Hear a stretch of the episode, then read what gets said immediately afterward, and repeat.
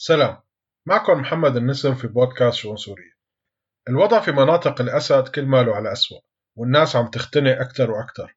وبشكل عام الكل هنيك عم يحكي عن فساد كبير للحكومة وفشل إداري أكبر. وفي تمييز واضح عند الأصوات المنتقدة وخاصة الأسديين بين الحكومة وبين يلي بيقولوا عنه القيادة السياسية للبلد. فهل يا ترى هالشي صحيح؟ هذا موضوع نقاش اليوم.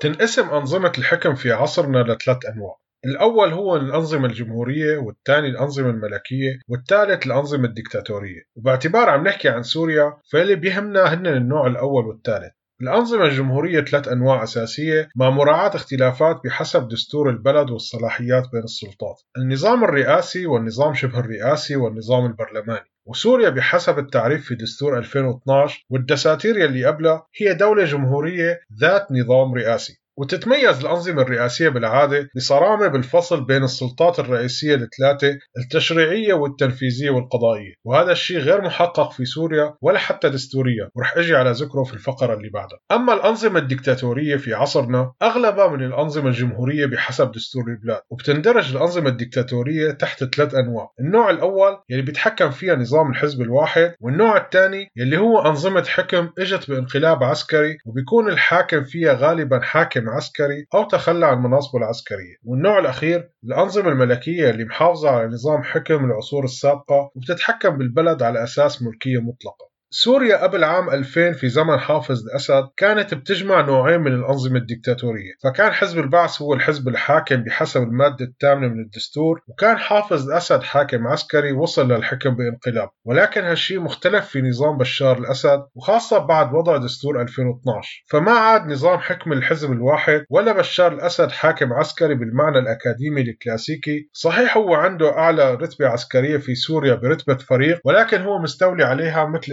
على كل البلد. وهذا الشيء بيطالع نظام الأسد من التصنيفات الدكتاتورية المتعارف عليها وفينا نحكي عن نظام جديد فريد من نوعه.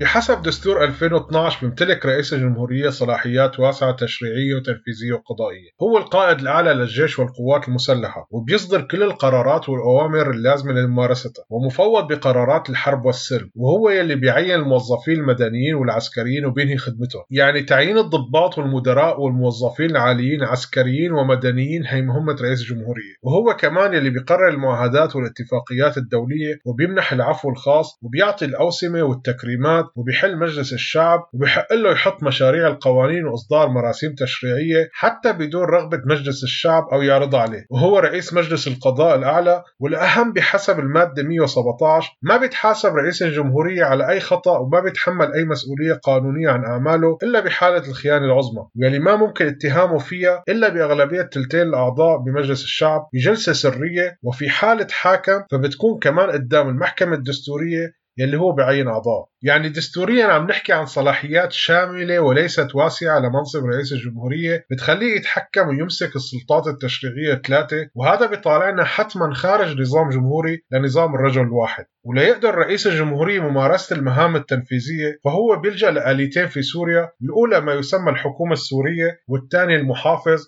ومجلس المحافظة.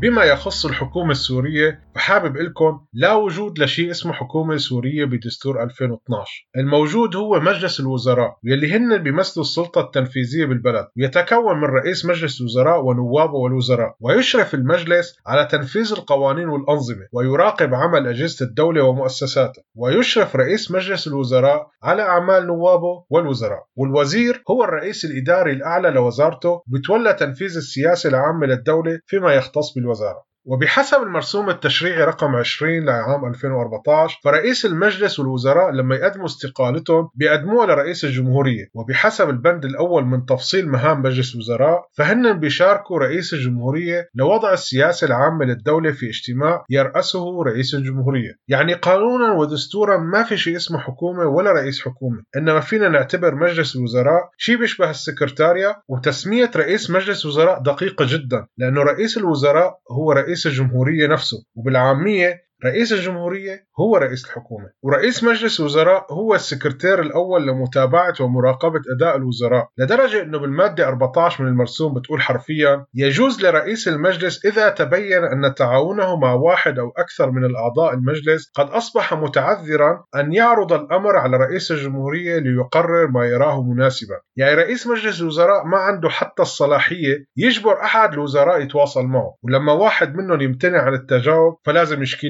للمعلم أما المحافظ فلا وجود كمان له بالدستور إنما هو مندرج في قانون الإدارة المحلية الصادر بمرسوم تشريعي رقم 107 لعام 2011 وبحسب التعريف بالمادة الأولى فالمحافظ هو ممثل السلطة المركزية وهو عامل لجميع الوزارات ويعين ويعفى من منصبه بمرسوم من رئيس الجمهورية. وبيشرف المحافظ بصفته ممثل عن السلطة المركزية على عمل السلطات المحلية وجميع الأجهزة المحلية والمركزية في المحافظة ويتأكد من تطبيقها للقوانين القوانين والأنظمة. والشرح التفصيلي لمهام المحافظ في المادة 44 اقتصرت على تنسيق الاتصال بين المكتب التنفيذي والسلطة المركزية وشؤون العاملين ما عدا قوى الأمن الداخلي. وتبليغ أوامر وتوجيهات السلطة المركزية للجهات ذات العلاقة والمهام التي تفوضه بها السلطة المركزية. وتوطيد الأمن العام والاتصال مع النيابة العامة وصون الدستور والضابطة العدلية وتدابير الحماية للكوارث الطبيعية وخلافه. يعني عمليا المحافظ ما عنده أي صلاحيات يشتغل شيء من راسه ولا بيقدر يحرك شجرة من مكانها بدون توجيه من السلطة المركزية أو بين قوسين رئيس الجمهورية.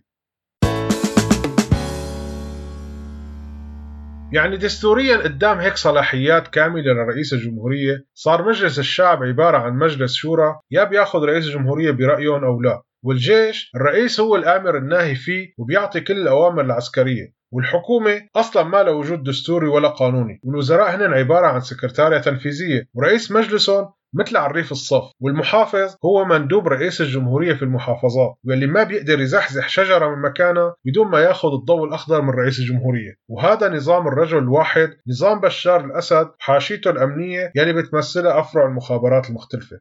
صحيح انشقاق رئيس مجلس وزراء رياض حجاب شكل ضربة سياسية قوية لنظام الأسد ولكن دستوريا وقانونيا كان كل شيء عادي وروتيني وغياب السكرتير الأول ممكن تعويضه مباشرة بسكرتير آخر. مع ذلك الأسديين دائما بيحاولوا يعطونا شعور أن الحكومة شيء والقيادة السياسية شيء ثاني والإعلام الرسمي بدعم هالموضوع وهذا جزء من عملية خداع مقصود بمارسه بشار الأسد ومخابراته على الشعب السوري لأن المواطن السوري عم يعيش الفشل الإداري بكل لحظة في حياته وعم يشوف الف الفساد في كل خطوة بطريقة الدراسي والوظيفي والمعيشي. وكل جبروت بشار الأسد ومخابراته ما عندهم القدرة على تجميل وإخفاء الفشل والفساد. فلا بد من كذبة الحكومة لتلهية الشعب وتفريغ غضبهم فيها ويكون أعلى سقف لمطالبهم تغيير محافظ أو وزير أو رئيس حكومة يلي ما له وجود بالحقيقة. وعن طريق الأسديين والمطبلين بيقدر يكبر هالكذبة ويخلق حماية حوله ويجي باللحظات الأخيرة بعد ما يختنق المواطن على الأخير ليتمنن عليه بتغيير محافظ ويشير رئيس مجلس مجلس وزراء